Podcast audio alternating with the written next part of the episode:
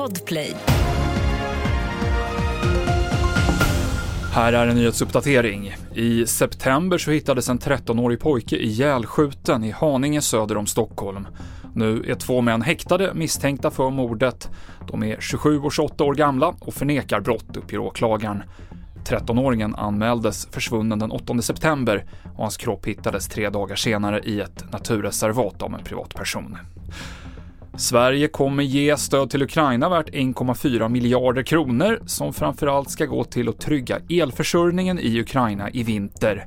Ryssland har under kriget särskilt skjutit in sig på infrastruktur för el och värme, säger bistånds och utrikeshandelsminister Johan Forsell. Ryssland ägnar sig åt en form av energiterrorism.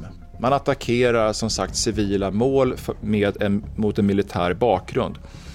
Och jag tyckte att eh, president hustrun Olena Zelenska hon uttryckte det här väldigt väl alldeles nyligen i helgen. Hon sa ju, får vi inte stöd så dör vi.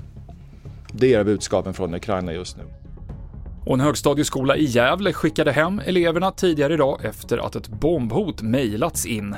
Efter att polis sökt igenom skolan och pratat med rektorn kunde man konstatera att det rörde sig om ett falsklarm och imorgon ska undervisningen fortsätta som vanligt igen.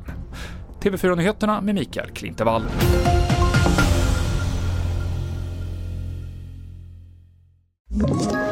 Ett poddtips från Podplay. I fallen jag aldrig glömmer djupdyker Hasse Aro i arbetet bakom några av Sveriges mest uppseendeväckande brottsutredningar.